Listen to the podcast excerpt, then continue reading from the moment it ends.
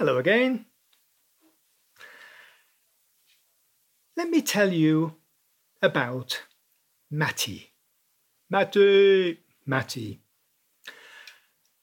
Matty, or Matthew to use his real name, Matty was into money and he didn't care much about how he got it. He was intelligent, he was observant, and he was very suspicious of everybody. He was constantly watching out for people trying to rip him off. Because anyone who managed to rip, to defraud Matty or his employers would become a local hero. Then out of the blue, in walks a new friend, a new friend. Someone very different to his old friends, someone fascinating for Matty. But instead of quietly dumping his old friends, who were mainly little criminals and, and assorted lowlife, he introduced them to his new friend by throwing a big party, party, party, party. Right, you get the idea, right? And would you believe it? It was a huge success. They got on like a house on fire, as they say in England or America, wherever houses burn. America, usually. Old friends, new friends, all became friends' friends. Woo! We'll come back to Matty in a little while. Now, some of you, some of you will be fascinated to know that I spent my later teenage years in a place named Pensarn. Pensarn, which was a kind of a suburb on the edge of a small town in North Wales. Apart from this town was too small to have suburbs, so I'm not sure quite what Pensarn was. And at about 17 years of age, I was boring, even more boring, even more boring, self conscious, and one day felt led of the Lord to witness to the local lowlife who inhabited George's Cafe down the road from our house.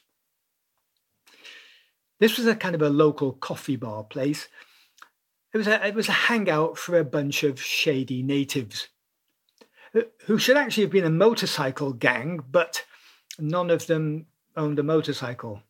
They were that kind of people.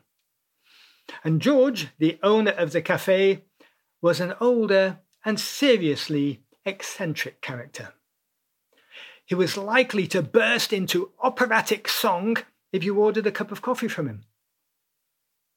So I prayed furiously, plucked up all of the little courage I had, walked down the street and into George's cafe. Yes, it was a little like a Wild West movie. When the stranger walks into the room, you get the idea, right? Everything went silent. All eyes locked on me as I walked over to the counter to order a cup of coffee. So eventually, George stopped operatically singing at me and shuffled off to make the coffee. The yahoos started talking and mumbling again, and I just stood there wondering what to do next. Then I spotted a jukebox, jukebox in the corner. And I thought, now, this would be a cool gesture um, to treat everybody to some music and get myself accepted into the group. Strategy, right? You remember jukeboxes, of course. They're like big glass, primitive machines with about a hundred um, discs in them, um, um, vinyl discs of the latest pop music, the latest hits. You put money in, and chose your favorite number, and it got played really loudly for everybody to enjoy. There were the days. Ha ha! Jukebox. Forget it. Problem was, Problem was, I didn't recognize any of the numbers on the machine. Ah, George, being George, just stocked the jukebox with music that he liked. And in my panic, I chose a, a, a, number by the only musician whose name I even vaguely recognized. And to my horror, instead of a nicely raucous rock and roll number, Segovia, whom I selected, played classical chamber music. Thank you, Segovia. Who the played that on the jukebox? was the immediate response from the Yahoos. Oh dear, they all started looking even more ugly than usual. The rest is still a blur. I guess I managed to drink my coffee somehow, and I'm still alive, but I'm not quite sure how. Jesus, fortunately, had a little more success. You see, after recruiting a bunch of smelly, noisy, scruffy fishermen to be his disciples, Jesus then went seriously down market and Luke 5, verses 27 to 32, tells the story. Look it up. Levi, or Matthew, or Matty as we've come to know him, was a villain and a traitor to his country. He would have been an NSBer when the Third Reich occupied were here in this country. And the majority of his friends would be shady mafia types, despised and feared by the local populace.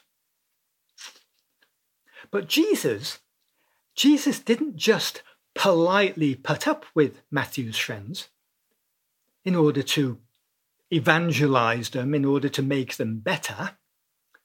He became their friend. And there are more times in the Gospels when he was found in the company of hoodlums and hookers, social outcasts, way beyond the borders of respectable society, way out there somewhere.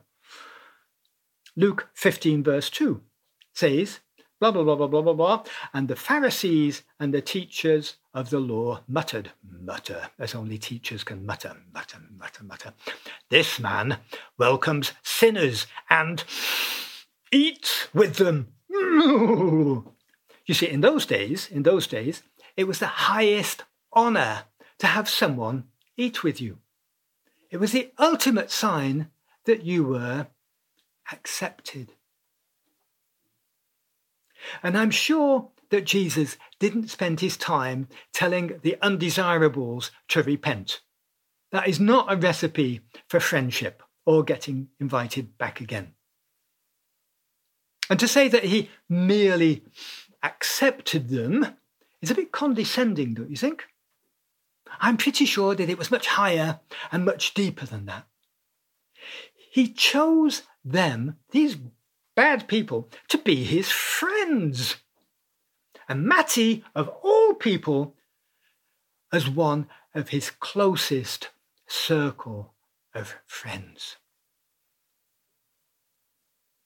So, what does this little character analysis of Jesus have to do with you and me now?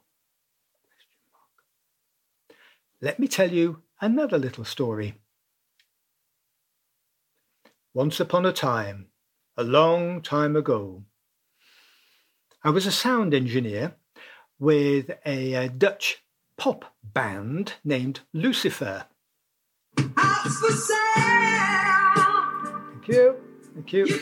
We did all kinds of gigs from the Ahoy Hall to community halls in the middle of nowhere. And one night, after a concert with an audience made up primarily of drunken farmers, I stood up on the stage after the audience had left and surveyed the remains of what looked like an ex battlefield. There was beer, blood, and broken bottles all over the floor. And I said to myself, I can't possibly honour God by supporting this. This is terrible. And that, ladies and gentlemen, was one of my life's biggest mistakes. Because that is exactly the place I could honour God. Because if I didn't take him in there with me, who would? And if I wouldn't be Jesus for those people and for the band, then who would? So I'm ashamed to say that I gave up my job working for Lucifer. And you can quote that. Do you remember Nehemiah? You probably don't remember him because you never met him, but Nehemiah lived a long time ago and he rebuilt the fallen walls of Jerusalem. He had a book named after him, and in chapter 3 of Nehemiah's book, you will discover, if you care to read it at your leisure, that he got the people of Jerusalem to build the part of wall that was right in front of their house. To concentrate on that bit that was under their nose, almost literally, with all the stones and stuff. It was their neighbourhood, their turf they had to operate in. And COVID 19 has given many of us the opportunity to speak with neighbours with whom we've up to now had hardly any contact. And that's a good thing. But I believe we can go further than that. Many of us have people in our neighborhood, in our surroundings, who are friendless, who are on the edge of the community, who never show up. You know, the kind of people, they never show up for the neighborhood borrels. Maybe they are shy or have uh, psychological issues or don't speak Dutch very well. And many of them are particularly alone because of this crisis. Now, there's a world of difference between being a neighbour or an associate or a colleague and a friend. Big difference. Because friends share, they support each other, they laugh together, they cry together, they value each other. Friends value each other. And I believe what our Lord would have us do now to seek out the outcasts, to befriend the friendless, or maybe even just be supportive, a supportive friend of that, that neighbor who suddenly found themselves alone. They really, really need a friend right now. But do me a favor. Please don't befriend people to evangelize them. They're not targets. They're not souls to be won. They're real people. They're made in God's image. Just be a good friend. Because the thing is that whatever is in your heart with friends is bound to come out sometime. And if Jesus is alive and well and living in you, a serious part of your life, he will make himself known to your friends through you and very, very naturally. And the thing is, they will have a living example to observe. Isn't that good? you, that is. Especially now, community support, friendship, they're all really desperately needed. This is a, still a crisis time. And if you won't be Jesus for these people, who will be? And remember, remember that friends are precious, right? Whoever they are, they're a gift from our Father. So treat them as precious. Recently, um, two old friends passed away within two days of each other. Quite a shock. To one, I'd managed to say, Thank you for being there. Thanks for your support. Thanks for your friendship. For the other, I was too late. So thank your friends for being there because they really are a gift. Whatever they look like or sound like or in some cases smell like. Should we pray? Good choice, good plot. Hmm. We'd like to thank you, Lord. Thank you not just for being our, our Lord or, and our Saviour, but for loving us before we loved you, Lord. For being a true friend to us. For taking the worst of us and loving us still. Thank you, Lord, for your care for your compassion, for your companionship, for your friendship. And Lord, I really ask that you will help us to be real, serious, solid friends for the people who need it. Lord, give us your ability to reach out and to touch people, to be their friend. We thank you, Lord, and we praise you. Thank you, Father. Thank you, Lord Jesus. Thank you, Holy Spirit. Amen.